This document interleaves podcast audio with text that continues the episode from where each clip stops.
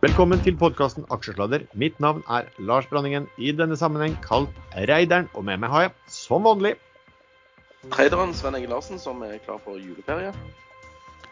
Og jallakongen Erlend Henriksen, som nå er i- bare jalla-investor igjen. Eh, Sven, vi må være litt kjappe i dag, for du skal til noe, en ny type lege som heter tamlege. Hva er det for noe?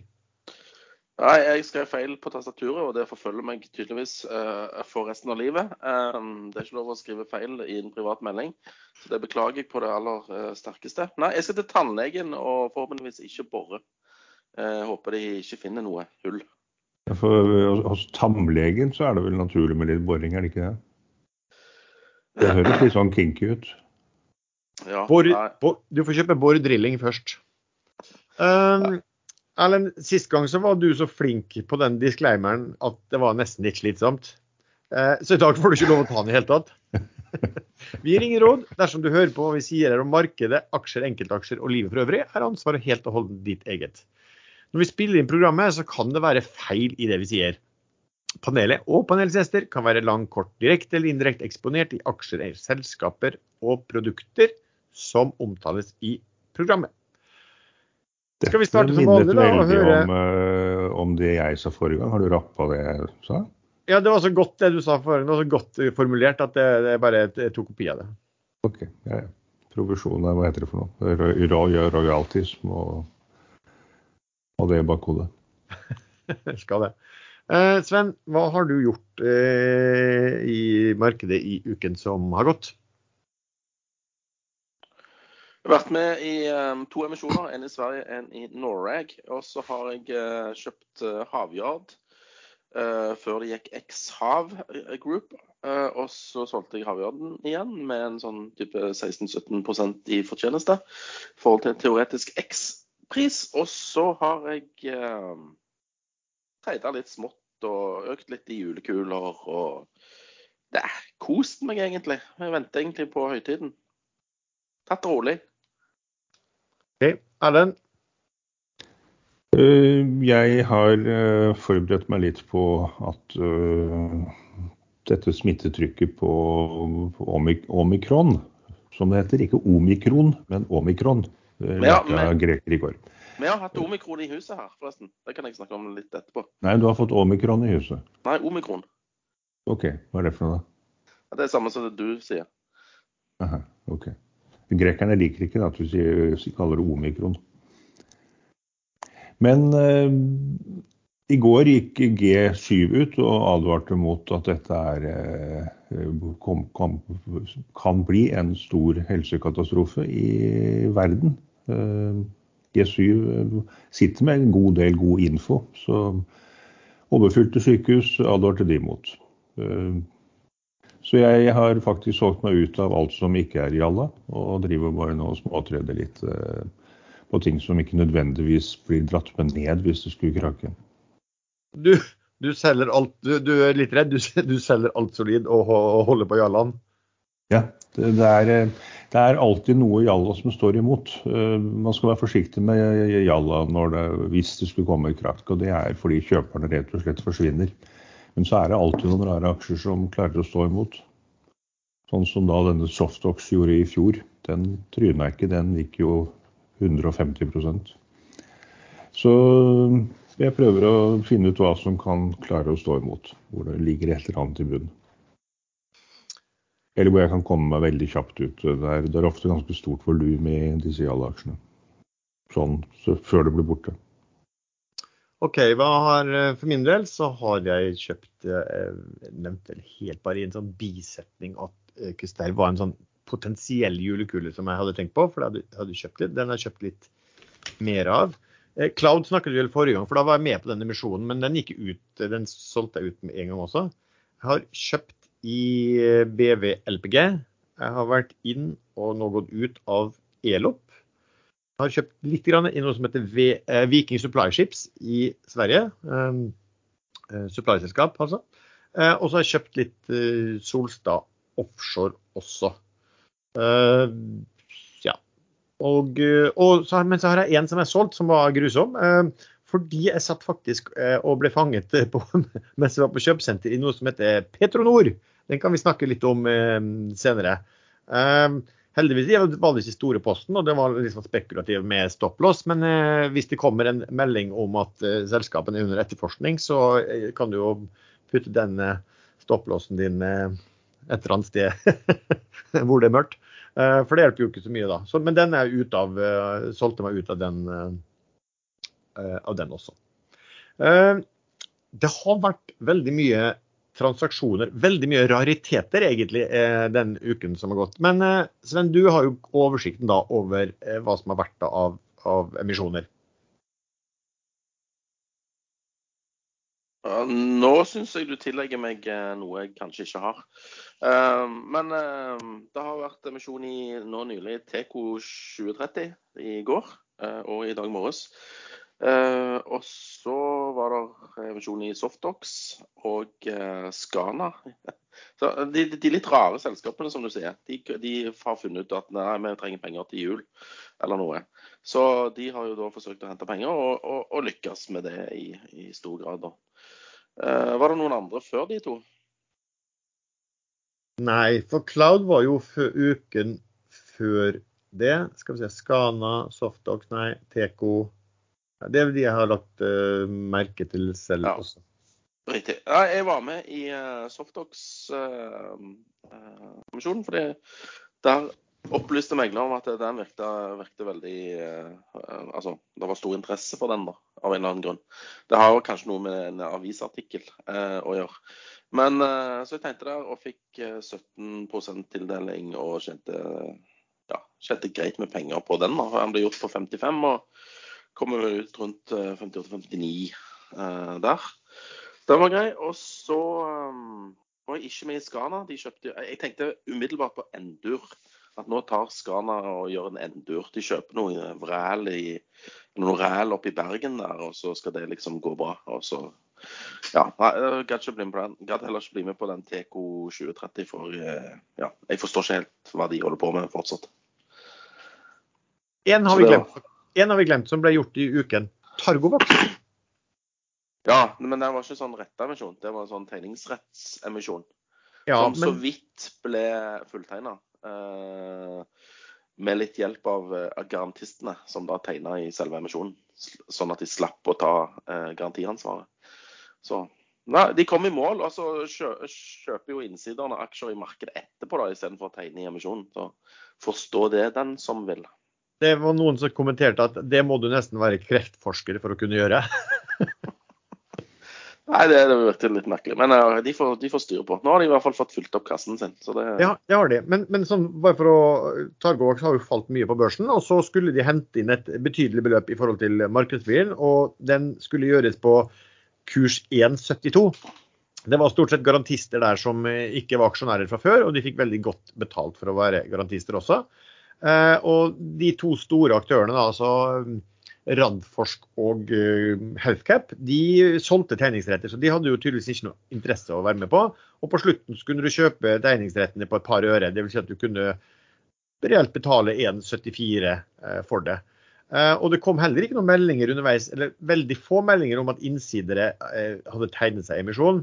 Så vi var mange av oss som spekulerte at her fikk garantistene mye i fanget.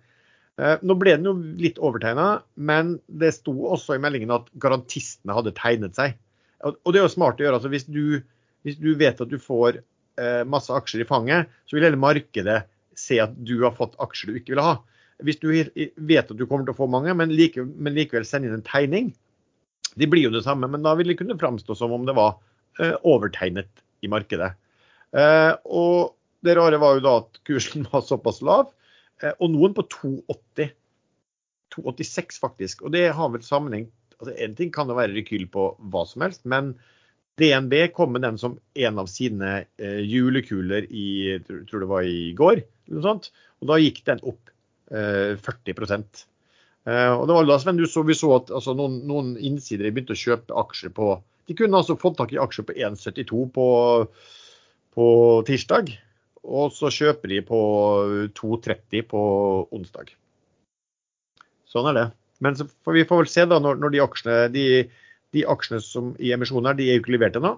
Så vi får se hva som gjøres med de aksjene da som man har fått på 1,72. Eh, hvis kursen holder seg på disse nivåer. Eh, OK. Softox, Erlend, det var jo en av dine eh, julekuler.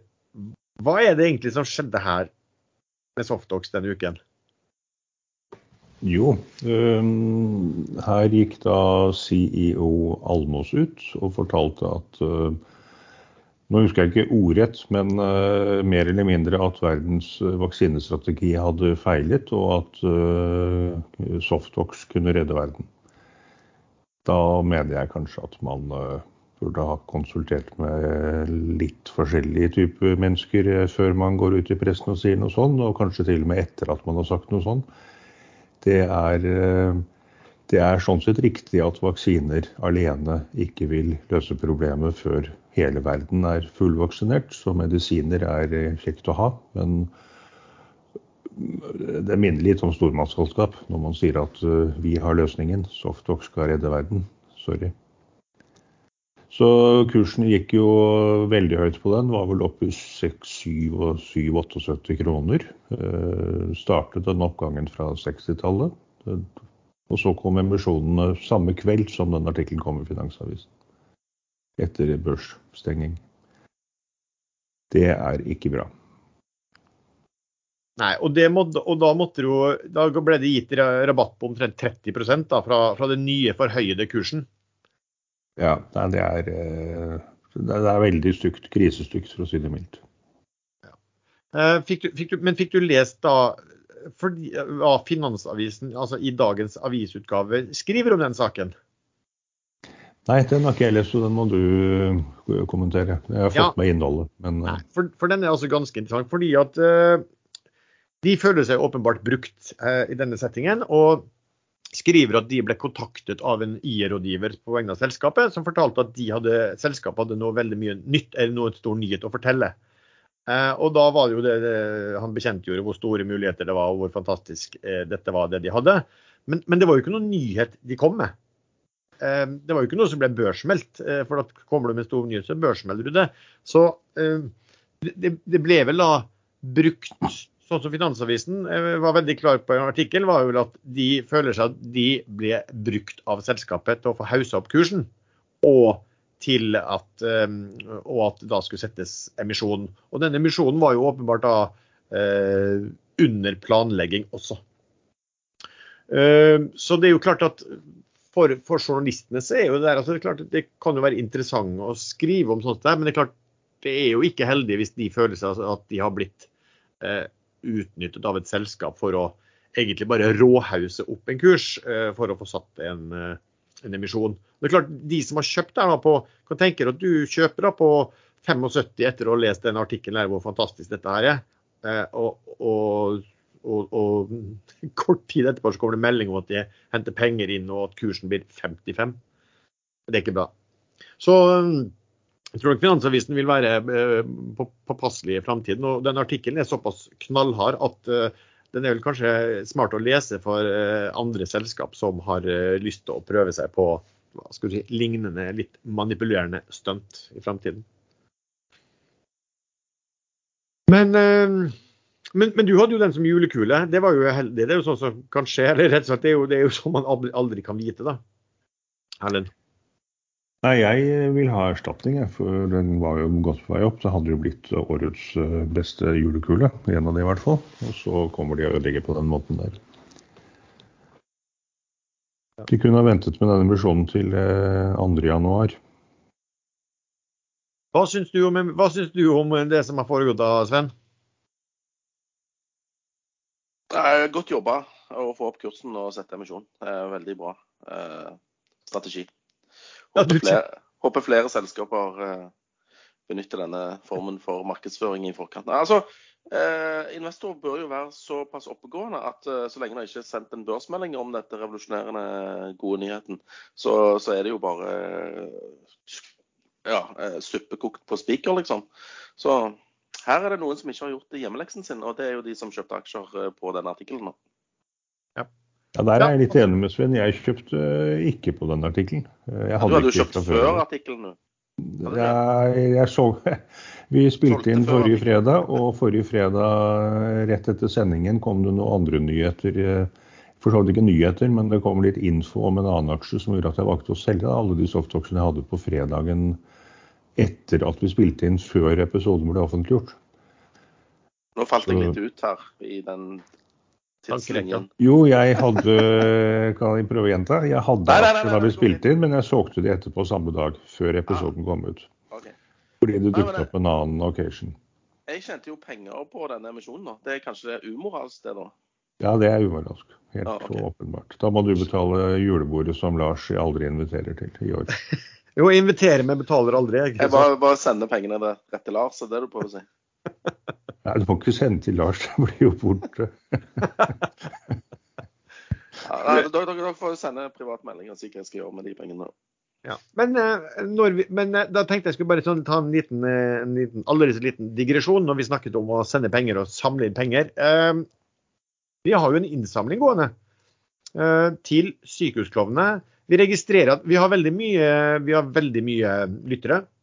Vi registrerer at noen av dere ennå ikke har gitt penger til investorenes innsamlingsaksjon for 2021. Finnes på Spleis. Vi er nå oppe i 102 000 eh, kroner, gitt fra 241 givere. Vi har tenkt å fortsette fram mot julaften. Så um, gå inn på spleis.no og, og, så søk etter Sykehusklovnene, så kommer, kommer den innsamlingen opp. Eller så du, så, så legger vi ut lenken til det i beskrivelsen til denne episoden. Du kan betale på faktura eller bank eller VIPS, så det er veldig enkle greier. Det, ja, Vær litt, eh, vær litt gavmild, folkens. Men vi må jo nesten trekke fram en, eh, en person på Ekstrainvestor som, eh, som i sommer vant halvårskonkurransen for å komme nærmest mulig indeks. Vi kan godt kalle han Julius, for det er det han kaller seg selv. Og ingen vet hvem Julius er. Det kan også være den apekatten i Dyreparken. Men eh, han vant da halvårskonkurransen og fikk 100 kroner av alle som hadde vært med på den, og det ble til sammen 3900 kroner. Og det var jo egentlig hans penger, men eh, den gangen donerte han pengene til neste ekstrainvestortreff som vi har innimellom, og nå endret han eh, målsettingen. Han sa at hvis han kunne vippse de pengene til aksjonen, til sykehusklovnene, og doble beløpet. Da snakker man om eh, stort og godt hjerte. Uh, OK, la oss nå gå over på den som har vært Den jeg nevnte nå som har vært min eh, smell, og som mange har fått smell på i løpet av uken som gikk, nemlig Petronor. Men, men Erlend, hva, hva, har skjedd i selskapet nå? Eh, Økokrim banket på døren i Petronors lokaler.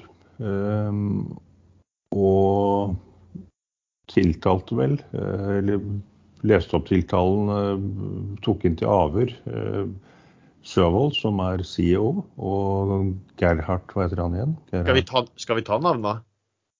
Ja, dette er jo offentlige personer i et børsnotert selskap. Yep. Så det, det, må, sånn er reglene da. Ja. De ble også arrestert eh, og er nå satt inn på én uke eh, med brev og besøksforbud. Eh, da skal det veldig mye til at politiet ikke har ganske klare bevis mot dem. De nekter selvfølgelig for alt og skjønner ingenting av tiltalen. Men en dommer vil ikke veldig lett gi brev- og besøksforbud og én time, én uke varetekt uten at det er noe i bunn. Eh, så er da det store spørsmålet er dette rent, privat, rent private ting de nå tiltales for, eller er siktet for. Eh, I, det, det, står at det er ting som har skjedd i Afrika. Eh, og Økokrim presiserte at selskapet ikke er siktet. Men de skrev også at etterforskning er i en tidlig fase. Så når de presiserer at etterforskning er i en tidlig fase, så er det litt sånn typisk sånn som politiet jobber. De går inn eh, i en sak, eh, sikrer seg beviser, og så kan de utvide eh, så mye de vil derifra. Så det betyr ikke at selskapet ikke er involvert, at de foreløpig ikke er involvert. Og da er jo spørsmålet, hvis de er involvert, er dette noe gammel eh, dritt som hang igjen fra gamle APCL, eh, African Petroleum Company, som da Petronor eh, Søvold og Gerhard tok over for noen år siden? Eller er det noe som har oppstått i selskapene som, som, disse to norske har tatt med seg inn i Petronor, eller noe andre selskap de har i Afrika. Men du, det, man, det, det, jeg kan si da, bare at det høres jo ikke ut som det kan være noe fra gamle APCL. For der var jo ikke de, eh, i hvert fall for vi kjente, involvert på, på, noen som helst måte som vi kjenner til. De kom jo fra Nei. den det, det, er korrekt. Men når man googler litt Det første som jeg tenkte, var jo denne Frank Timmis, som var gamle APCL-høvdingen. Som av London-børsen ble ilagt største, den største boten noensinne for innsidehandel. Og nå er det igangsatt en stor internasjonal tilsvarende Økokrim-undersøkelse mot han i seks land. Australia, UK, Eh, og Filippinene visstnok. Eh, men uansett, eh, Senegal i hvert fall, i Afrika. For det er der, der Senegal noe har skjedd.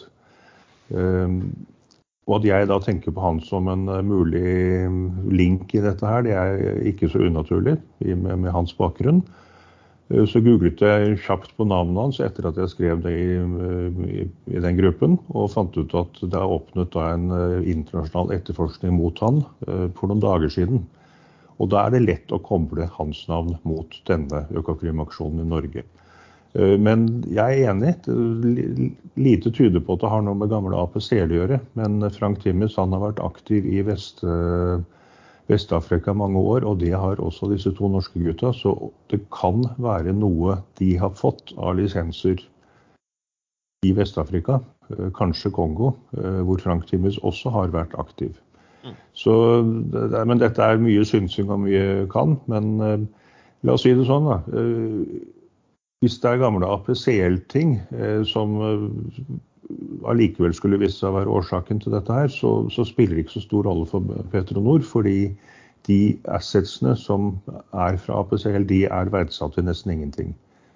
Uh, Gambia er kanskje verdsatt til 40-50 øre i et par analyser, men i utgangspunktet så, så, er det ikke noe produksjon på de lisensene. Så det er det som Petronor, Søvold og Gerhard tok med seg inn, som har verdsettelsene. Og der snakker man om en net present value på 2-3 kroner per aksje. Eh, hvis det viser seg at noe av disse lisensene har blitt kommet inn via korrupsjon, eh, da er det virkelig eh, kritisk. 1,40 tror jeg så på en analyse Erlend, at de hadde verdsatt det Kongo-biten til 1,40 per aksje. Ja. ja.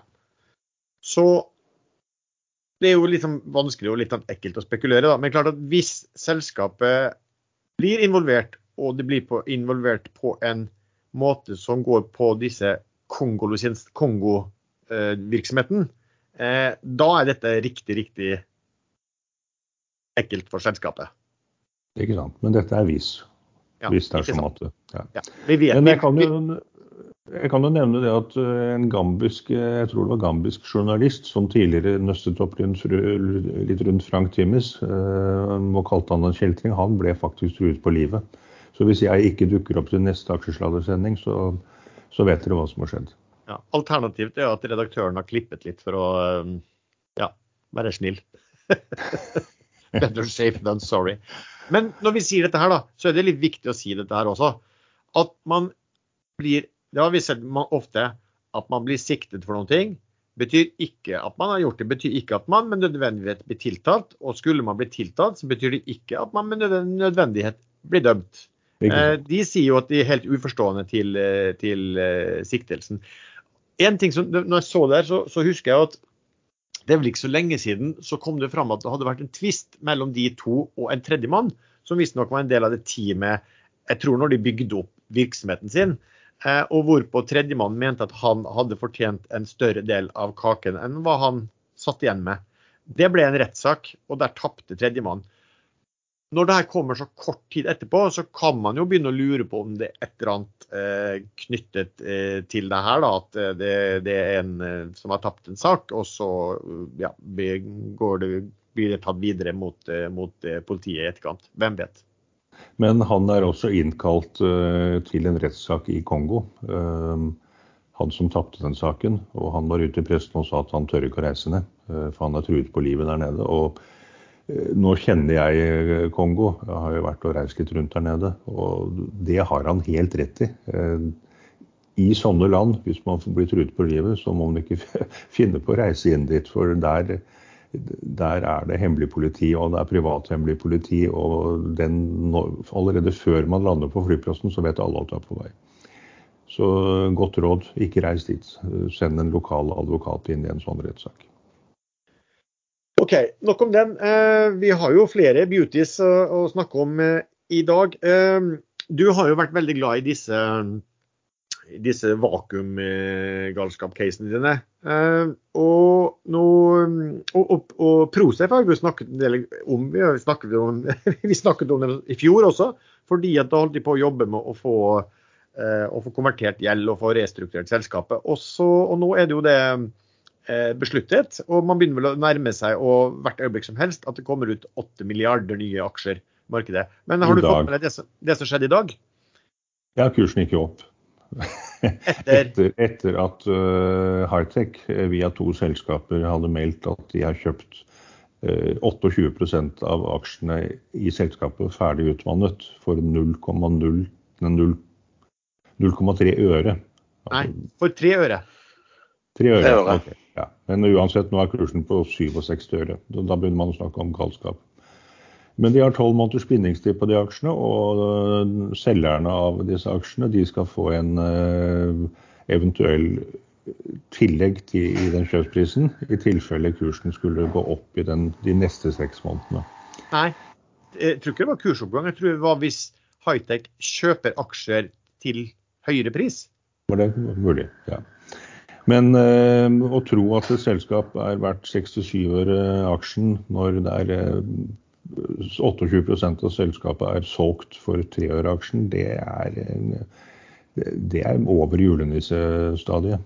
Ja, fordi at jeg tror, Hvis jeg så på det der, så var det sånn at det konverteres jo da 1,1 milliarder dollar i lån, eh, og de får da 99% av selskapet. Jeg tror det kommer ut sånn det kommer ut 8 8 milliarder eller et eller annet sånt nye eh, aksjer. Eh, et, et tall rundt der, da. Eh, og hvis da disse high-tech hadde kjøpt eh, knappe en tredjedel, 2,4 mill., litt, mindre enn det, så er det jo fortsatt da 5,6 milliarder aksjer som nå har havnet eh, på finansinstitusjoner som har vært långivere, og som ser at de andre finansinstitusjonene har solgt de på tre øre. Så det er klart at igjen da, hvis de får solgt det på, på dagens kurs, hva det lå på nå, 67 øre, så kommer jo de selvfølgelig til å gråte av glede. Det er jo, julaften og, og, mye mer til. Um, så jeg, jeg, så at de hadde guidet Prosafe ut fra hva de, um, hva de uh, kunne ha i en slags EBITA for 2022. Hvis du tok ti ganger det og brukte en sånn evig EBITA på ti, um, så tror jeg jeg fant ut 13 øre. Eh, men det er jo høyt i forhold til hvordan f.eks. supply-selskap eh, prises. Og, og som sagt her, så, så, den kursen der, altså etter alt å dømme, da, så, så, vil eh, disse institusjonene bare, bare, bare få bøtta ut eh, aksjer. Så de som kjøper dem nå på 65 øre etter at aksjene har gått for 3 øre hos de store, de lykke til, får man si om det. Men bare sånn kort for å forklare vakuumteorien. Jeg har jo alltid sagt at den oppstår når det er veldig få aksjer i et selskap i forhold til et enormt stort antall aksjer som kommer. Da blir det selskapet tradet på det lille antallet aksjer på framtidig market. Eh, det er mange som utnytter dette her og pusher kursen opp, og da blir det såkalt vakuumrally. Allerede i slutten av september, da var generalforsamlingen avholdt, og da var allerede vedtaket klart om at det ville komme nye aksjer. Og da skrev jeg på ekstrainvestor at nå holder jeg meg unna aksjen, fordi disse aksjene kan komme når som helst. Eh, nå var det et par andre tekniske ting som gjorde at de, de ikke da leveres før i dag. Eh, så hadde jeg visst det, så hadde jeg vært med på de to-tre vakuumrallyene som har vært etter slutten av september i denne aksjen. Men eh, med en gang dette er vedtatt på en ekstraordinær generalforsamling at det kommer nye aksjer, da begynner risikoen å bli veldig høy, og da hopper jeg unna sånne case. Men den blir jo tredet på mellom 1,10 og 1,30 i lang tid. Og så hadde den et par rønn opp til 1,50-1,60 før den begynte å sakte, men sikkert ramle nedover de siste par-tre ukene bare. Ja. Men uh, de aksjene der er vel sånn at de kan de kom, kanskje komme allerede i, på mandag, eller? Nei, det sto i børsmeldingen uh, som kom i, i, i forgårs at de, er, uh, de registreres i dag. Så teknisk sett så kan de leveres eh, allerede nå utover dagen. Ja, ikke sant. For at de kan handles fra det i, det, det, selskapet må sende børsmelding når det har blitt registrert. Eh, og da kan vel disse um, långiverne begynne å kose seg med det. Det ja, det er faktisk sånn vel, Sven, dette kan vel du godt. Eh, når aksjen er registrert i Brønnøysund, da, da regnes det ikke som nakenshort hvis man begynner å selge før man har fått aksjene på VPS-kontoen, eller? Det stemmer. Det er bare å følge med på uh, nyhetene fra Brønnøysund om kapitalforhøyelsen er registrert.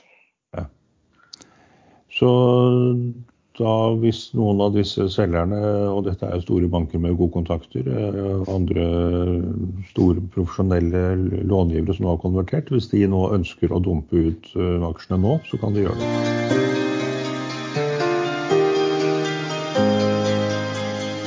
Denne episoden er sponset av IG.com. IG er den globale tradingmegleren som utgjør det perfekte komplimentet til din trading. Handler med valuta, aksjer, råvarer, indekser, kryptovaluter og mer med IGs giringprodukter. Disse handler du i IGs prisbelønte plattform, men du kan også ta del av deres mer avanserte plattformer, sånn som Pro Realtime. Åpn en konto hos IG allerede i dag. Last ned appen eller besøk ig.com. Husk at all handel med finansielle instrument innebærer risiko.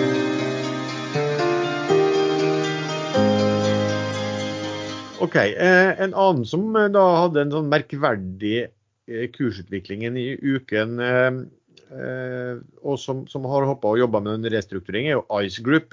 Sven, fikk du med deg hva de meddelte markedet, hva som skjedde? De meddelte at den opprinnelige planen eh, skrotes. Eh, jeg vil tippe fordi at det var litt vanskelig å finne 2,5 milliard eh, i friske penger. Eh, sånn at de ville gå for en eh, litt annen løsning som innebar òg gjeldskonvertering og en emisjon. Så eh, det er vel bare en realitetssjekk på at oi, vi fikk ikke til dette, vi må prøve noe nytt. Mm. Men så du hva som skjedde med, med aksjekursen på den? Ja, det steg jo så faen. Det er jo logisk. Men uh, jeg klarte ikke å hente penger. Å oh, ja, jippi, da skal vi rette opp. Uh, kapitalbehovet er uh, borte vekk. Altså, vi trenger ikke mer kapital nå. Ikke sant? Det, det, det, det er motsatt. Ja, det var nesten litt sånn du, du følte at noen satt og så på meldingen og tenkte oi, da kommer det ikke noen nye aksjer. Kjempebra, liksom. Ja, ja. Det er jo egentlig kjempebra. Hvis de kan løse det med tryllerier eller et eller annet. Men, Men det kom ikke klart fram av meldingen om det var tryllerier de pønska på, eller om det var en alternativ eh, like dårlig plan. Eh, eh, jeg har ikke peiling. Men bare sånn for, bare, for meg er ikke dette noe vakuum case. For det er ikke allerede vedtatt at de skal konvertere eller restrukturere eller at det kommer penger inn. Her kan det like godt komme en melding på mandag morgen eller etter børsslutt i dag at selskapet er i skifteretten. Det er ikke, ingen garanti for at det selskapet overlever nå. Nei, jeg så var det Lazard Brothers eller et eller annet som de hadde leid inn. Ehm, jeg tror vel det var noen som skrev at de var veldig flinke på, på, på gjeldssiden eh, og, strukturere og, og, jobbe med det også. Så, så det er klart at her er det vel de som er långivere som ja, kommer til å konvertere. Altså, for å si det sånn, når kursen lå på fire kroner det, det, det, det, var ikke fordi at de, altså, de Hadde de fått henta penger på, på tre kroner, så tror jeg nok de hadde gjort det, for å si det sånn. Så det, var, det må nok være til enn det. Ja, men eh, altså, eh, i forkant av den forrige eh, forslaget, så hadde de jo inngått en sånn der med, en enighet med den långiveren som de skylder 1,5 milliard kroner. Og den utløper jo nå, da. Så nå har de jo plutselig ikke den avtalen med den långiveren lenger. Så da må de jo reforhandle den òg. Ja, så enten kan, kan, de selv velge å gå til skifteretten, eller denne långiveren kan dra den til skifteretten. Ja, men jeg, tror, jeg vet ikke om det er det beste alternativet for selskapet og eller långiver. Uh, så jeg, jeg, tror det skjer noe sånn uh, på gjeldssiden. Jeg tenkte jeg skulle bare nevne litt eh, kort. Jeg vet at Sven hater dette, her, men jeg, jeg syns det er litt eh, morsomt. For jeg liker å følge med på litt regnskap. Og det kom eh, melding i går fra et selskap som heter Meltwater, som har falt mye på børsen, eh, om at de skal på, eh, fra growth over til hovedlisten.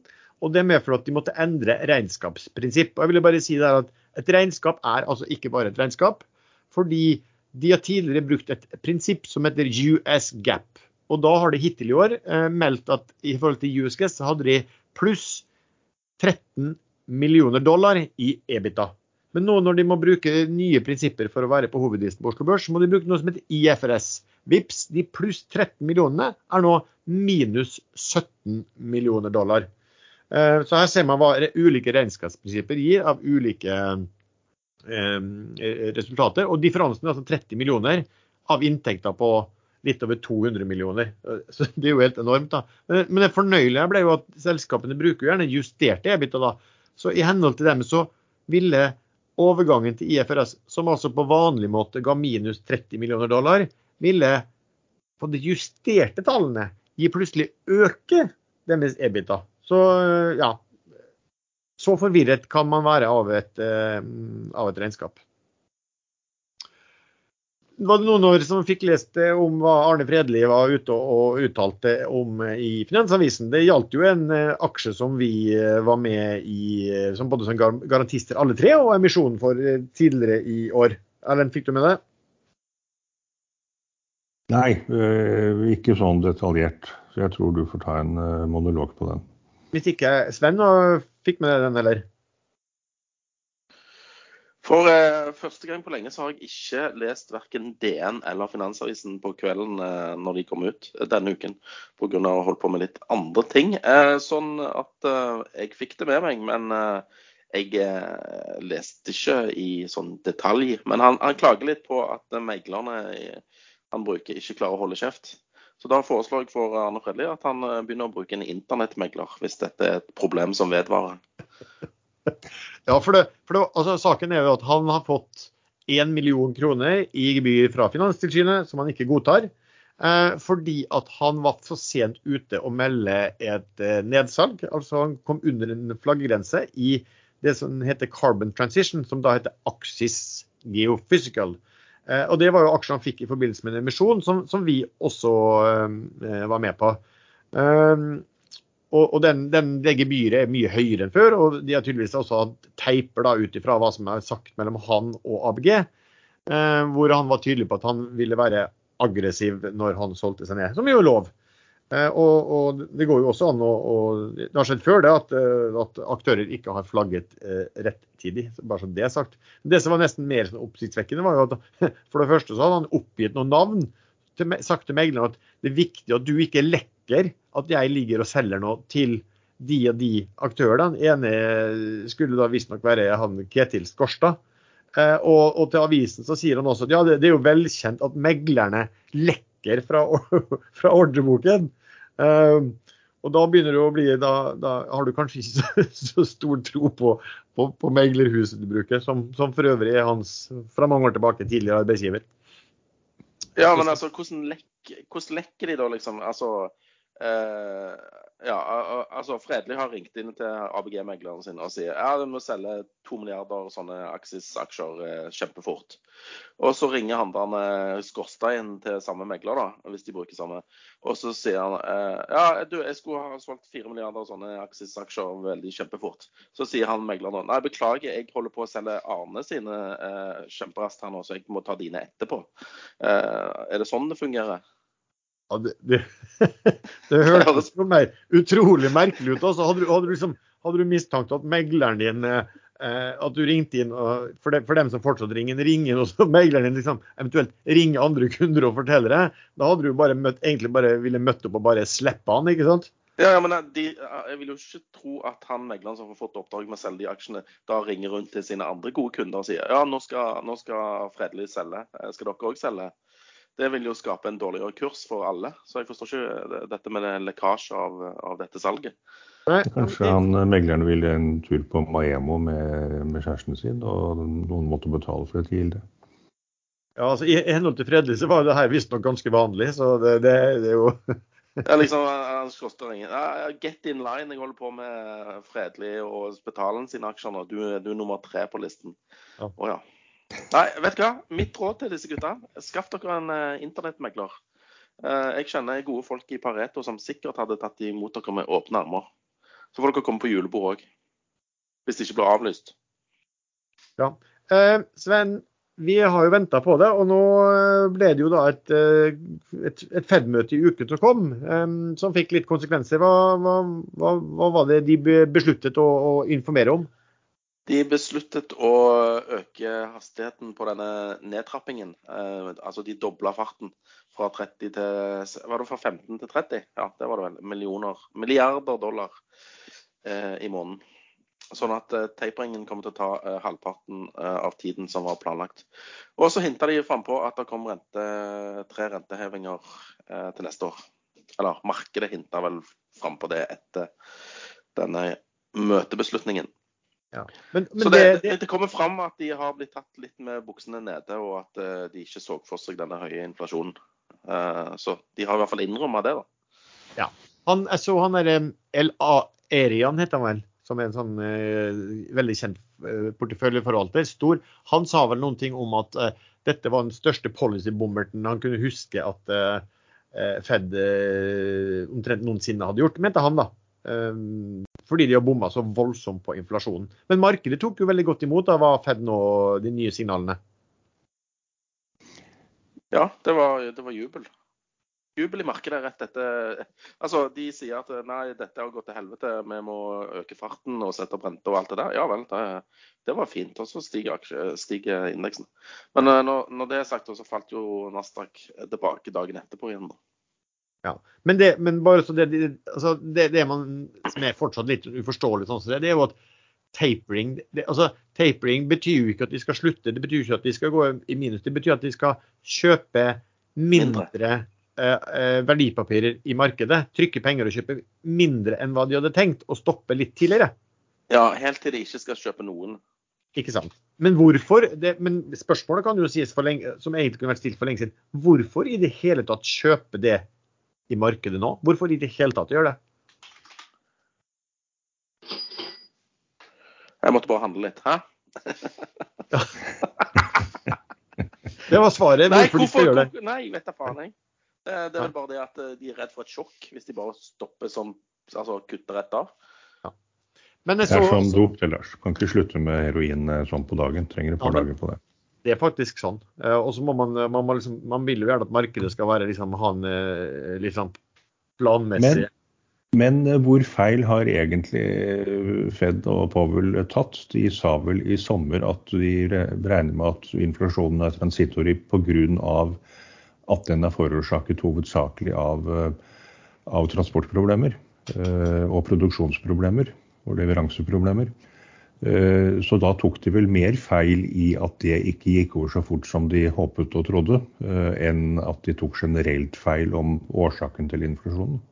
Nei, men Hvordan kan du si at det bare er det? Eh, altså, Fed trykker voldsomt med penger og presser ned alle rentene. Boligprisen i USA har gått opp 20% Altså, de skal egentlig være, de skal være sjeleglade fordi at, at, man beregner nå altså inflasjonen i bokostnader på en helt annen måte enn tidligere. Hadde du gjort det som før, så hadde jo inflasjonen vært på 11 nå. Eh, og det var jo da et spørsmål. Eh, nå viser det fortsatt bare at uh, du, bokostnadene har en prisøkning på 12 måneder på, litt, på en 3,6% mens boligprisen er opp 20% Sånn Teoretisk så mener man jo at disse skal nå hverandre igjen med et legg. Eh, hvis det stemmer, så, så har de jo eh, mye inflasjon å gå på framover. For den biten der dekker jo en tredel av all inflasjon. Eh, og den kan man jo ikke påstå. Kan ikke påstå at boligprisen stiger voldsomt fordi at, fordi at det ligger containerskip utenfor Los Angeles. Så, så, så, det er litt lett da, å bortforklare det og si at det, det var ikke Voss, Voss, det er det andre. Men det, jo, det, nå, nå, nå, argumenterte du med at hvis det hadde vært som før, men det er jo ikke som før. Det er jo ikke, det er jo ikke en del av uh, inflasjonsmålingen som det var før. Men når man, når man, snakker om sånne sentralbanker, da, så er jo eh, den russiske sentralbanken er jo de som har gått ut og sagt vi skal bekjempe inflasjon med alle mulige midler. Og jeg vet ikke om dere fikk det med dere mens vi nå har snakket eh, så langt i dag, så har det kommet melding om at Russland setter opp renta fra 7,5% til 8,5% Så der gjør de faktisk noe med, med inflasjonen nå. Ja. Så du syns jeg burde sende alle pengene jeg har i banken over til en russisk konto? Uh, ja. Det, eller ukrainsk eller noe. Ukraine, ja. Hvis, du glad, hvis, du ikke vil ha pengene dine lenger, så, så foreslår jeg det. Eh, akkurat nå mens vi snakker, forresten, så, så ser jeg det er matching holdt i Prosafe. Eh, skal vi da tippe at det kommer inn, at denne haltes, og så kommer det melding om at nå er alle aksjene. Trading suspension, ja. ja. Det, vil, det, burde vel tyde på at nå kommer det 80 milliarder eh, aksjer, ja. klart? Jeg skal inn på Brønnøysund og se om, jeg ser om kapitalen er registrert på et lite øyeblikk. Men snakk i vei. Ja, men du så kanskje hva han gjorde, den godeste Erdogan. Han eh, sliter jo med, med inflasjon, og, men han, han, setter ned renten. Og sparker sentralbanksjefer og alt mulig. Ja, Men Erdogan han er mye flinkere enn alle andre. Ja. Men du, Erlend, det, du, det du sa, hvis det var som før Jo, poenget er bare at, at bokostnadene har en legg. Eh, og at det er veldig lite trolig at bokostnadene vil øke med 3% når boligprisen, som det, det nesten er en slags derivat av, har økt med 20 det vil si at eh, Nei, jeg, jeg, har ikke noe problem med å si at det er eh, andre faktorer enn eh, en bare transportproblemer og produksjonsproblemer. Ja. Det, det, er begge, det, er begge, deler, og så blir det vanskelig å si hva, hva, hva som er. Men de har i hvert fall, de har i hvert fall bomma. Men jeg syns hun, hun, i den europeiske sentralbanken hun var mer sånn Nei, nei. Eh, vi tror fortsatt at det blir kjempelav inflasjon framover, så vi skal fortsette. Eh, må ikke, selv om Fed sier noe annet, så må ikke dere tro at det skal gjelde oss. Eh, så det, ja, det syns jeg faktisk er veldig utgangspunktet er veldig bra. Uh, hvis alle nå setter opp renten samtidig, så, så, vil du ikke få effekt noe sted. Det blir jo bare nullsumspill alt sammen. Man må litt, være litt kontrær og gå litt mot de andre. Jo, men man må jo gjøre det etter hva du altså Det er vel arbeidsledige. Jeg vet ikke om hva Fed har om Nei, altså om sentralbanken, om de bare har inflasjonsmål, eller om du har inflasjonsmål og arbeidsledighet. Men OK, det, det blir, blir, det samme. Jeg messa gang på gang om at hvis du har negativ realrente, så er du egentlig en, en straff på de som låner ut penger. Um, men det er jo sånn. Nå var det mye snakking her. Nå har jeg vært inne i Brønnøysund. Det er faktisk registrert i går, denne kapitaløkningen til 399 eh, millioner euro. Sånn at eh, det er vel egentlig bare å kjøre på, da. Ja, 399 millioner euro fordi det er eh, pålydende er 0,05 euro, tenker jeg. Da kan det jo ja, da kan det jo bli artig å følge med på den kursen i, i dag og på, og på mandag. Eh, og, og, se om det ligger fortsatt folk å kjøpe. Men Kanskje de ikke har fått det overført i VPS ennå, for det er så mange aksjer. Og så tar det jo litt tid, da. Altså overføre så mye aksjer. Skal trykke 80 milliarder ganger på knappen, mener du? Du mener at du kjører med filer fram og tilbake? Aksjer? Franskmann som sitter der og skal trykke disse aksjene. Og han er vel ute i kantina nå, for det er jo fredag og tacobagett. Så... det, det, er faktisk han samme som sitter og trykker på de knappene når det er matching holdt på børsen. Ja, ja kjempebra han nå. Nå har han akkurat trykka trading suspension. Ja. Så nå er det kantine og tacobagett, og så er det trykking av aksjer da etterpå. Spørs om den Prosef kommer opp i handel i hele tatt i, i desember. Ja, det kan drøye, drøye en stund. Og Håper ikke han skal til samme tannlegen som du skal til. Da blir det jo ikke noe åpning av Prosef igjen.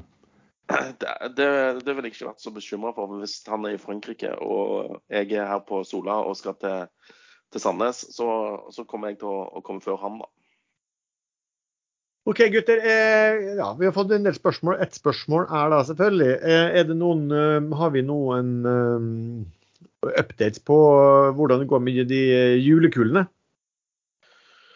Jeg eh, vil kalle det julekuleraketter, og at uh, lunta fortsatt er litt våt, hvis det er lov å si.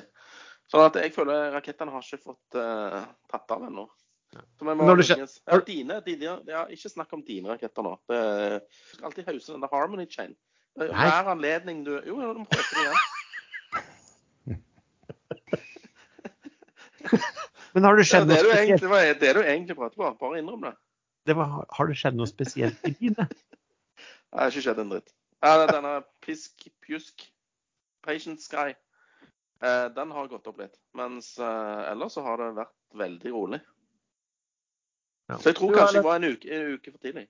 Ja. Du en... Sven, øh, Sven du må, på, på vegne av lytterne så ønsker jeg at du sitter litt samme avstand fra mikrofonen når du snakker. Lyden din går litt opp og ned. Da, du ble litt langt borte her en periode. Men øh, Sven, det er, det er lov å si at lunta blir våt, men det er ikke lov å si at lunta er litt våt hvis det er lov å si. For da begynner jo folk å tenke- lure på hva du mener egentlig. Hva du snakker om. Nei, jeg prøvde bare i overført betydning å si at de ikke har eh, letta skikkelig fra bakken ennå. Nei, dette går vel til eh.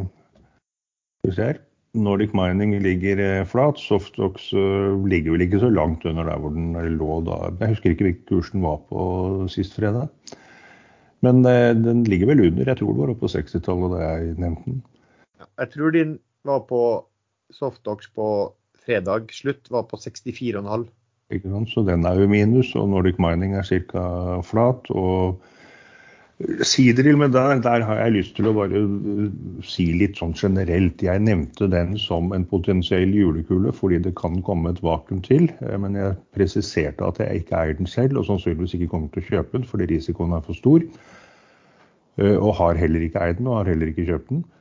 Og så får jeg da litt sånn via via eh, kommentarer på Ekstrainvestor få beskjed om at andre skriver på andre forum at Erlend Henriksen har sagt at den skal ta et vakuumrally. Eh, Da vil jeg oppfordre alle lyttere som leser hva jeg eller andre her på Aksjesladder skal ha sagt, og høre på hva vi faktisk sier. Ikke, ikke gjøre som andre påstår at vi har sagt, for det er mye feil og mye påstander, og det er mange som bruker det bevisst for å mele egen kake. Men den ligger vel også litt i minus. Nå ligger den på rundt 1,25 eller noe sånt nå. Hvis vi skal snakke om vakuumet den uh, før nyttår, så vil jeg tro at kanskje rundt en krone så kan det komme et uh, vakuumrally, men det er ingen sikkerhet til det. Og plutselig kommer disse aksjene. De er jo vedtatt utstedt. Så vidt jeg har fått med. Det kommer, jeg tror ikke det kommer noe ekstraordinær generalforsamling, for de hadde en ordinær generalforsamling eh, nå for et par uker siden, og da regner jeg med at hele emisjonen og utstedelse av nye aksjer alt ble vedtatt. Men jeg har ikke sett, eh, jeg har ikke sett den rapporten. Eh, min del så samme som uh, Pjusken, som eller uh, Patient-syk, som jeg har kalt den. Uh, P-Sky den har gått eh, ganske bra. Og så har Seoffen den har gått veldig bra. Eh, og så eh, Harmony Chain, som Sven elsker at jeg skal prøve å prate om, eh, den er vel faktisk Den steg faktisk nesten 10% den dagen vi tok den inn. Eh, så da fikk jeg liksom høy start på den, så den er vel rimelig eh, flat.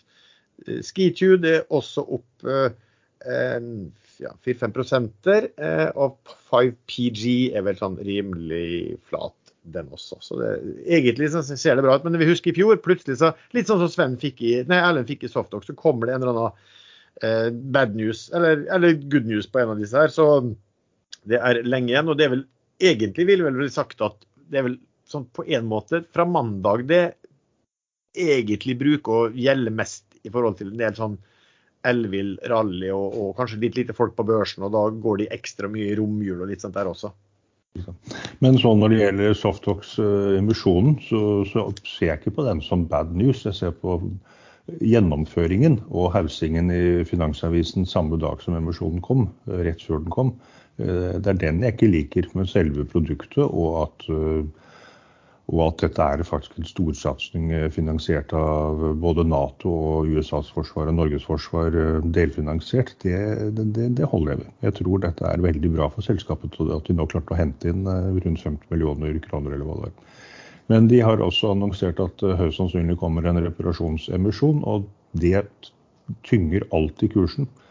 Disse reparasjonsemisjonene det er nesten bare en ulempe for aksjonærene at de kommer. For man får kjøpt aksjen stort sett rundt emisjonspris uansett. Jeg hadde en liten ting til når det gjaldt disse julekulene. Jeg vet ikke om dere husker sist uke, men da ramsa jeg opp eh, disse julekulene. Og så hadde jeg egentlig med Calera, fordi at eh, den hadde falt mye osv. Og, og så strøyk jeg den pga. at de skulle ha sånn kapitalmarkedsdag den eh, 15. Nå knirker det godt her. Reiste du deg opp, eller? Ja, rørte på seg. Så jeg er veldig fornøyd med at jeg strøyk den. eh, Og mine antakelser om at den nye sjefen skulle renske opp i ugresset, den eh, stemte jo. Og de nedjusterte litt eh, eh, vekst og, sånn på kort sikt i hvert fall. Så den har jo gjort det veldig dårlig, da. Eh, falt vel 15 i går og ned 4 i dag. Og nede på titallet her nå. Så eh, jeg bare, Av og til så gjelder det å bare ta vare på pengene sine. Det er ofte veldig viktigere enn å tjene penger. Så, og, og, og unngå sånne blemmer som dette. Så den kunne vært veldig stygg, og jeg kunne tapt denne julekulekonkurransen med glans hadde jeg beholdt Calera. Men eh, når du kaller det ugress, eh, når din kone serverer en fantastisk middag og litt salat på siden, da ber du henne å fjerne det ugresset med en gang? da? Nå misforstår du. Når du skal dyrke ting og tang, så må du ta eh, og luke i bedet, sånn at eh, de tingene, tangene du skal dyrke, da, eh, vokser best mulig. Aha, ok. Men dette kan vi ta videre i vår, den der hage... Eh, Vi er så langt ut forbi denne, hagespalten vår nå midtvinters, liksom. Altså, det er umoralsk å ta opp det midt på vinteren. Erlend. Men så, eh, som Erlend ville si noe om Seadrill, så vil jeg si noe om Harmony Chain, eh, Sven. Fordi at eh, jeg så at noen prøvde å klistre meg litt på den også. og si at når bankmann Lars sier at den er bra, liksom. Eh, nei, Lars Brandegen sa at dette er et shitshow av et selskap, har alltid vært. Eh, men den kan likevel bli en julekule fordi at eh, DLT har gått mye, og at denne NBX, denne kryptobørsen, kommer jo også på børs nå. Eh, Den også, jeg skjønner heller ingenting av prisingen på den heller, fordi at de, de hadde fem millioner inntekter eh, på, tre, på, på de siste ni månedene, og jeg kunne ikke si at de har vokst fra kvartal til fra kvartal engang. Eh, Og er prisa til ja, hvor mye var det? 400-500 millioner, eller var det mer enn det også? Det er vel ikke mye som tyder på at de kan vokse så mye heller. For eh, konkurransen om kundene blir jo større og større, og da vil marginene gå ned og ned. Så de må jo øke antall kunder mye raskere enn prisen for tjenesten faller. Men så julekuler har i hvert fall ofte ikke noe spesielt med det fundamentale å gjøre, hvis vi skal si det sånn. Men her, det kommer sikkert til å skje masse i de ulike julekulene vi har tenkt på, og andre også. Det har jo vært DNB har jo kommet med sine også. Um, så, og flere har vært ute med, med, med, med sine eh, favorittkuler, julekuler, eller DNB kalte det nyttårsraketter. Så det kommer sikkert til å skje masse i løpet av eh, de neste, neste to-tre ukene der. Fikk dere forresten med dere at i går var siste kapitalsladder fra Pål Ringholm? Før han går over i ny jobb. Det var jo litt trist, da. Det var det, ja. Det var trist, for det var en veldig bra eh, en, en, en nyhetsmail, for å si det sånn, eller oppsummering. Ja. Men kommer han til å slutte med hva han skal begynne å jobbe nå? Jeg får ikke hå- Jeg kommer nok til å slutte med de daglige kommentarene. For han var jo kredittanalytiker i Sparebank1. eh, Og nå blir han forvalter, så han kan vel ikke sitte og skrive stil hver morgen, liksom. Men uh, det kommer nok et eller annet, for han, har jo, han virker jo relativt taletrengt. Og hvis det presser veldig på, så kan vi jo ha han som gjest i uh, Aksjesladder igjen. Ja, ja, ja. Men det, var, det, er, det er faktisk veldig artig å ha en sånn oppsummering, for han har litt artig, eh, klare tanker på det. Og så litt, litt, eh, eller mye humor også, så det har vært eh, noe som har vært veldig bra. Og, Men han er muligens litt for oppesen i forbindelse med dette seriemesterskapet der oppe i Bodø, så man bare venter litt. ja, I hvert fall når Molde ble nummer to. Eh, vi, Og så Viking ble vel nummer tre, da. Så de, de ble Det er det, og, og, og Brann rykket ned. Hvordan gikk det med Lyn i år? eh, Lyn damer, du mener? For de andre Lynlaget er vel eh, nede i åttende divisjon. Ja, nei, de er langt nede. Men, men. Sånn er det. Derfor er fotball helt uinteressant for meg. Flere spørsmål, skal vi se. Um, ja. Offshore Supply har gått de siste ja, eh, ukene, egentlig. Er det start på noen generell oppgang, spør jeg, eller er det bare julekåte tradere? Sven, Hva var det du sa hadde gått? Offshore Supply. Ah, ja, nei, det kan jeg ingenting om. Du, Erlend, har du noe peiling? Nei, jeg, jeg, har egentlig ikke det. Uh, offshore Supply vil jo uh, høyst sannsynlig bli rammet av uh, problemer med mannskap nå som omikron sprer seg fortere enn en, blomsterstøv om våren. I UK så er det offisielt i går var det 88 000 nye smittet, men regner med at riktig-tallet er rundt 200 000 på én dag. Og det, litt... det, gjelder jo fremdeles de samme karantinereglene, vil jeg tro, om bord på offshorebåter og oljerigger osv. At blir man smittet, så man, kan man ikke mønstre på. Kan være. Men det er jo liksom, det er kanskje litt kortsiktig. Uh, jo, for min del vil jeg si at de viste klart i Q3 at uh, den, de var på vei framover, uh, alle, alle sammen så er det jo ganske noen av dem som har, eller de fleste har mye å hente inn. da, Dvs. Si at de har enorm gjeld fortsatt, og den må betjenes. Og den kan man ikke betjene på, på vanlig måte um, ennå. Så det Ja, altså at, at, at kanskje Offset Supply er på vei opp inntjeningsmessig, det er én ting. Uh, hvor mye det må gjøres for at det skal slå, gå videre på aksjekursene, det er mer, det er mer usikkert. Men da kan jeg faktisk nevne bare at eh, jeg nevnte kjapt at jeg hadde kjøpt eh, Solstad Offshore. Det er en kort trade eh, fordi at Jon Fredriksen har solgt seg ned eh, over lang tid. Eh, og jeg mistenker at han eh, kommer til å melde når som helst at de er under 10% Og siden han har lånt inn store deler av det, så kommer det en sånn melding, så er det lite aksjer igjen han har forutenom de som er innlånte, som man kan anta skal leveres tilbake. Så, og, og Solstad Offshore har sånn stor fanskare, så eh, kan jo være at de får et sånt rally som de faktisk hadde i desember i fjor, eh, hvis den meldingen kommer. Men det kan også være at det rallyet kan bli brutt, avbrutt av en melding om ny rekonstruering? Ja, jeg tror ikke det kommer først. Eh, for det, det, det, er nok lite trolig. Da kommer det heller en sånn dårlig melding om det, der, det skipet som de eventuelt er tvunget til å kjøpe tilbake. Ellers kan det jo være at, at eller så kan det være at Fredriksen bare fortsetter å, kjø, å selge de her innlånte, at det er helt greit fordi han har lånt inn fra oss. Altså, det, det, vet du ikke. Så... Men på den annen side, det, det jeg sa om at rally kan bli avbrutt hvis det kommer en rekonstruksjonsmelding, så er jo det egentlig feil i henhold til min vakuumteori. Det er da den skal slå inn for fullt.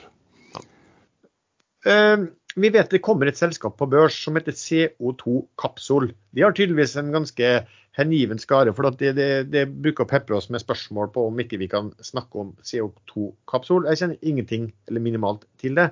Men eh, Erlend, kanskje du bare kan si litt om, karbonfangst sånn generelt? Ja, sånn Generelt har man jo karbonfangst for å lagre i gamle oljebrønner i Nordsjøen. Det er én måte å gjøre det på. Uh, andre produserer drivstoff eh, med karbonen de fanger inn. Eh, eh, det syns jeg personlig høres mye smartere ut. Fly, jetfuel osv. At man fanger inn CO2 i atmosfæren eller får levert fra fabrikker osv. Og, så og produserer et produkt man kan bruke igjen. Vil, hvis, hvis, man kan erstatte all fossil olje på sikt med å rense CO2 ut i atmosfæren, så blir jo det såkalt nullsumspill. Det tilfører ikke ny CO2. Eh, og det tredje er at man faktisk lager eh, produkter eh, med CO2-en man fanger. Andre typer produkter, sånn som Bergen Carbon Solutions, som lager noen Ops. Kom den telefonen inn her. Eh, Finanstilsynet. Nei, jeg driver et sånn lite firma ved siden her, skjønner du, så det hender at, hender at jeg må snakke med de gutta som jobber for meg. Men uh, den la jeg på. Uh, jo, Bergen Carbon Solutions de lager da noen uh, nanorør uh, som åpenbart kan få funksjon i batteriindustri, framtidige batteriløsninger. Det syns jeg kanskje høres enda smartere ut, for da fanger man inn CO2 og binder i et produkt som ikke frigis. I motsetning til jet fuel, som fries ut i atmosfæren igjen. Eh, så hvorfor man satser så stort på å lagre CO2 under havbunnen i gamle olje, tomme oljebrønner, det, det, skjønner jeg egentlig ikke. Når, når jeg vil tro behovet for eh, karbonprodukter kan vokse ganske ekstremt, bare man finner måter å bruke det på. Men jeg så, kan ikke noe om CO2, det Capsule-selskapet kan jeg ingenting om. Jeg så jo bare at du, du må jo ha, du bruker tydeligvis altså CO2-kapsel bruker noe sånn uh, hot Nei. Potassium carbonate til å binde CO2-en. Og, og um, Aker Carbon Capture bruker noe sånn, eller noe aminosyre eller et eller annet sånt de bruker. Aminobasert Amine-based et eller annet. Um, men altså, de, de fanger jo CO2-en, og så må de da eh, skille det ut fra det som det binder seg til. Og så må de, må gjøre det i, en, en, i flytende form. Og få da transportert, lagret det, transportert og til slutt til et endelig sted. da. Så de jo, det, det, er mye transport her og mye som skal gjøres, men det må bygges veldig mange sånne anlegg. Så, så er det vel litt at uh, Nå leste jeg også litt at uh, Sparebank1 var begynt skeptisk, fordi at de er jo veldig tilsynelatende veldig høyt priset, eh, Aker Carbon Capture. Og de var vel sånn at dette blir, det blir jo stort, men det blir veldig vanskelig å få de marginene. For nå kommer det veldig mange inn her. Jeg så bare sånn at eh, Fluor, GE, eh, Linde, Mitsubishi, Shell, Exxon, Aker Carbon Capture altså, Det kommer til både vanlig Big Oil med sine egne løsninger, og det kommer inn de store teknologiselskapene med, med løsninger også. Uh, og det er vel også noen som da spesialiserer seg på mindre, på small scale også, altså mindre anlegg. Jeg vet ikke om det der kanskje CO2 Capsule eh, kan ha sin eh, fordel. Men det blir i hvert fall, det skal i hvert fall bygges veldig mye. Og så er det spørsmål om teknologi og spørsmål om marginer generelt i den bransjen. Etter det jeg kjenner til, så har vel da CO2 Capsule vi har vel et pilotprosjekt da gående i gang i Stockholm, tror jeg. Det er mulig at de har hatt noe, noe mer eh, der også. Mens Aken Carbon Capture har vel ganske mange driftstimer på, eh, på um, sine løsninger. Da. Så det, det, er vel, i hvert fall uh, CO2 Kapsol er det mange som er i hvert fall veldig interessert i, og de priser gråmarked til 1,3 milliarder. Så det er jo en del uh, forventninger om framtidig inntjening som er innbakt i de tallene. Det blir spennende å se å få et nytt carbon capture-selskap på børs. og det ja. Og så har du et som heter Ocean Geoloop, som da bruker mikroalger til å fange denne karbonen ja. i havet. Og de skal jo lage noe sånn pellets til noen dyrefôr eller karbonater eller whatever. Jeg vet da faen. jeg. Det Gudesen, det. Karbonader. ja. ja det, OK, så kar karbonader er laget av karbon. Det var, det, det var jeg ikke klar over, Sven. Det Gudesen-selskapet, det, Sven, er ikke det? Jo, jo. Det Visste du ikke det, Allen, at det var lagd av karbon? Nei, jeg, jeg, jeg, var ikke klar over det. Men jeg vet jo nå jeg trodde det var laget av sånne karbonadedyr. Jeg. Ja, ja. Sånn kviger. Alt man lærer på uh, aksjesladder også. Men nå kan man også fange karbon og lage karbonader av det. Det er vel uh, ja, Med det så ble vi da årets mest useriøse uh, finanspodkast. Har vi ikke alltid vært det, da? Herregud. Det, ja. dette, det har vi vel alltid vært? Og alltid kommer til å være? Ja, jeg føler vel ikke at det er en tittel som har vært veldig stor kamp. Jeg føler ikke at dette dro ned nivået noe særlig. Men du, eh, ja altså, nå Men nå må vi raske på litt. Ja, det var det jeg skulle si. Og pusse tennene. Jeg kom på når du sa fluor for litt siden. Ja, nettopp. For du skal møte tannlegen din. Så få høre, Sven. Hva eh, Har du noe um, spesiell favoritt for uken som kommer? Uh, nei, det må være julekulene mine. Altså uh, Patient Sky, uh, Hydrogen Pro, Circa, Kyoto. Ikke Calera, men Link. Så jeg, jeg, jeg holder på de. Også, men jeg har jo kjøpt altså, sånn skikkelig aksje òg. Det er denne Havila Kystruten. Der fikk jeg tak i aksjer for 20. Nå er han 21,88.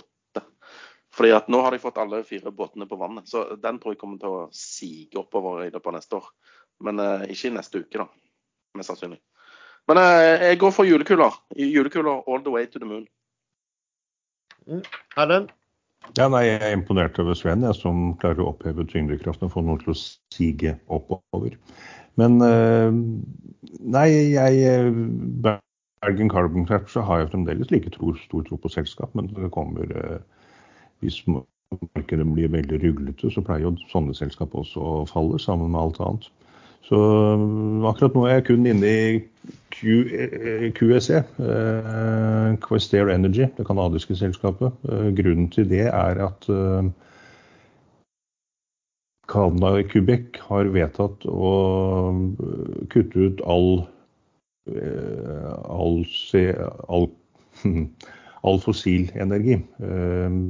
De er relativt selvforsynt med vannkraft, men de importerer en del gass i dag. Men de, de har store gassressurser i bakken, og QUC har en god del av dette. Uh, og har nå fått beskjed om at uh, lokalregjeringen i Quebec uh, ikke skal hente dette opp fra bakken, og at de kommer til å ekspropriere lisensene som er tildelt. Og teknisk sett så kan de sikkert klare å finne løsninger på å gjøre det uten å betale erstatning.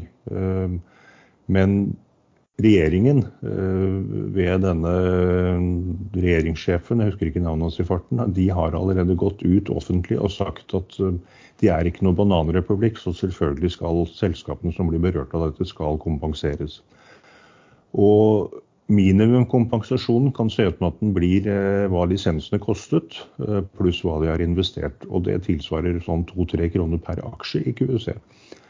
Um, og de har andre felter i andre delstater hvor de allerede produserer olje og liquid eh, gas, som de pleier å kalle det. QC fant på et eget ord der nå, men det har vel det spredd seg litt i ordet. Ehm, så dagens aksjekurs på rundt en krone er mer eller mindre dekket opp med det de allerede produserer utenfor Quebec. Så hvis de da skulle få en minimumserstatning på to-tre kroner aksjen, så er jo dette ekstrem eh, god butikk. Og det er signalisert at den avgjørelsen vil komme allerede i hvert fall i første halvår 2022, altså i løpet av et halvt år. Eh, men det var vel også noen som skrev at sannsynligvis i begynnelsen av året. Eh, andre alternativet er at de faktisk får produsert verdien, eller får refundert, eh, erstattet verdien av disse lisensene. Og der er, er ikke så vanskelig å regne seg opp til 20-30 kroner aksjen. Så det er liksom fra mye til veldig mye. Eh, sånt er jo aldri sikkert. Ting kan skje. Og det er valg i Quebec visstnok om et halvt års tid, så det kan også være at dette bare blir trenert og overlatt til en ny regjering. Og at det da ikke blir noe av eh, dette forbudet. Så mye kan skje, men eh, jeg føler at den er relativt trygg på dagens kurs. Og tar sjansen på å holde den over et eventuelt ruglete marked. For med sånne utsikter så kan det godt være at den aksjen ikke blir solgt ned til bunnen. Flere, Erlend? Jeg har en aksje til, men den vil jeg ikke si noe om. Den er så jalla, så den holder jeg helt for meg selv. Kom igjen, da. Ikke vær vanskelig. Det, det kan, Nei, det kan ikke bli for jalla for deg. Jeg vil ikke bli puttet i skuffen at jeg hauset eh, den aksjen. Det er helt uh, umulig. Jeg skal si fra når jeg har solgt den. Kan, kan jeg spørre hvilken bokstav den begynner på? Ikke noe elimineringsmetode her, takk. Nei, men Hvis jeg kan spørre én, kan jeg si én bokstav? Nei. OK.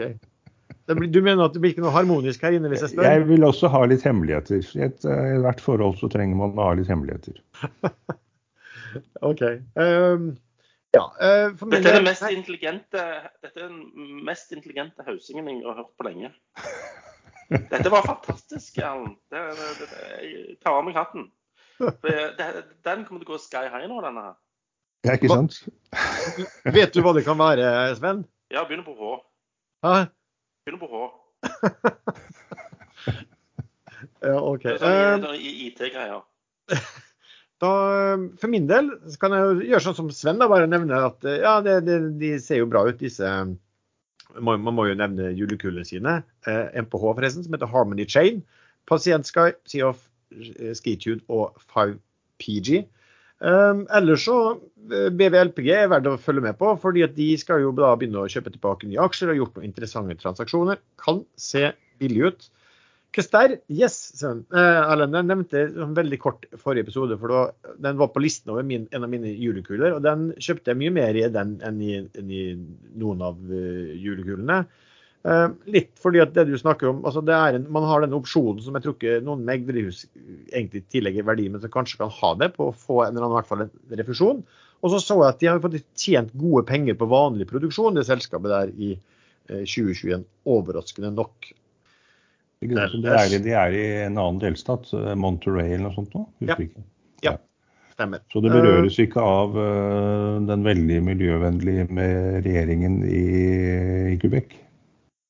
Ellers så registrerte jeg med tilfredshet at Pareto tok opp dekning på Wilhelm Wilhelmsen Holding, som mente at det var verdier per aksje på 360 kroner her, men de skulle likevel ikke ha en høyere kursmål enn 250, men at de var prises langt unna langt lavere enn sammenlignbare investeringsselskap. Og der, der har du jo den at stadig flere blir mer, mer bullish nå på, på biltransportdelen eh, også. Og så vil jeg følge med på, jeg følger jo fortsatt med på den Africa Energy. Eh, bare man ikke går på en ny smell, liten smell på et sånn afrikansk oljeselskap. Men der var det snakk om å komme nyheter før nyttår. Det begynner kanskje å se litt dårlig ut, men eh, jeg sitter fortsatt og følger med på den ut i uken. Vil ikke si det noe favoritt, det er vel heller en som står høyt på min obs-liste, hva jeg skal gjøre. Saga har eid lenge. Jeg liker at de solgte seg ned i eh, Bergen, Bergen Carbon mens de har sjansen. For de, de, solgte jo bare 10% men skuffa inn 50 millioner. Og eier Horizon Energy som en av dagens eh, kursvinnere også. Så det var ja, en liten, en liten liste her. OK. Eh, har vi noe mer å si før vi, før vi tar eh, helgen, Sven? Eller før du tar tannlegen? Er det normalt det at du blir mer og mer skeptisk til å gå til tannlegen desto eldre du blir, liksom? Nei, ikke tannlegen. Tam, tannlegen er ja, Nå snakker vi ja, om det. Ja. ja. Nei, men altså, jeg bare Du er jo litt eldre enn oss, Allen. Eh, er du skeptisk til å gå til tannlegen? Nei, eh, min far var tannlege og hadde kontor hjemme, så for meg er den eh, lyden av tannlegebordet det er litt sånn hjemmekjært. Tannlegelukter, det er, det er sånn hm, det er hjemme i gamle dager. Eh, Sven, jeg må si at for min del så har jeg vært veldig redd tannlegen siden jeg var sånn ja, åtte-ni-ti år. Og alle på min alder, da, fra mitt område i Molde som hadde samme skoletannlege, de kommer til, å, kommer til å le og skjønne veldig godt hvorfor. Men hva er det dere er så redde for? Det er litt smerte kanskje innimellom? Litt ising? Hva, hva er problemet, liksom? Nei, det er den isingen, da. Jeg, jeg fikk trukket tenner i min tid uten nevneverdig bedøvelse. Jeg, trekk, jeg, jeg trakk fire visdomstenner på samme dag, for jeg nektet å la han tannlegen roter rundt i tennene mine og produsere smerte to ganger etter hverandre. Så det eneste problemet med det var at jeg lærte hvor, hvordan man drikker vann. Eh, aldri tenkt over før. Uh, man setter glasset på underleppen og kjenner at man har det der, og så drikker man. Men da munnen min var bedøvet etterpå, så satte jeg glasset til munnen og trodde jeg drakk, men jeg helte jo hele vannet utover eh, skjortebrystet. Det er mye man lærer etter hvert som man vokser opp. Ja, takk for de eh, betryggende ord. Jeg må ja. stikke, eh, ellers ja. rekker jeg ikke avtalen. Det går sikkert bra, Sven. Det, det, ja. kan ikke, det, kan ikke, bli verre enn en sånn sjokk. Bedøvelse er faktisk farligere enn boringen. Den, den kan man dø av. Ja, men jeg skal ikke bore. Det er kan vi, men kan, kan, du si til oss hvem du skal til, så vi kan, vi kan ringe litt? Nei, det går fint. Snakkes. Ha det. Ha det. OK, Erlend, har du noe mer å tilføye før vi tar, før vi tar helgen? Jeg vil jo gjerne få lov å takke Sven for et uh, par-tre fantastiske år her på, på Aksjesladder. Det er ikke sikkert han overlever dette besøket, men Eh, nei, ikke så mye. Jo, Frosef er jo selvfølgelig en uh, god kandidat å plukke opp når man ser hvor den uh, stabiliserer seg. Uh, det kan godt være at, at, den kursen den åpner på når den aksjen åpnes opp igjen, at det er den laveste. Det så man på Norwegian et par ganger da det kom veldig mange nye aksjer. De som pøste ut, de gjorde det med en gang, og det ble fanget opp i en åpningsauksjon som varte eh, vel lenge og vel. Og den kursen tror jeg var den laveste begge ganger. OK, da takker vi så mye for deg som har lyttet til atter en episode. Eh, alle oss tre finner du stadig vekk inne på chatforumet til eh, Ekstrainvestor. Vi har også en populærgruppe på Facebook som heter podkasten Aksjesladder. Musikken er som vanlig laget av sjazz.com. Og vi høres. Og, nå ring, og, nå ringer vi til den tannlegen til Sven, jeg vet hvem det er, og bare ber dem dra på det ekstra store boret. Ja, de har kanskje en sånn, eh, hvis det, er noe, det er noe arbeider i huset, så har de sikkert en sånn uh, elektrisk drill fra byggeprosjektene. Kan låne den. Kanskje, kanskje, vi kan håpe på at det er noen som har hørt oss og kjøpt en sånn julekule som har gått elendig. liksom En, en veldig forbannet eh, tannlege. Det hadde jo vært noe.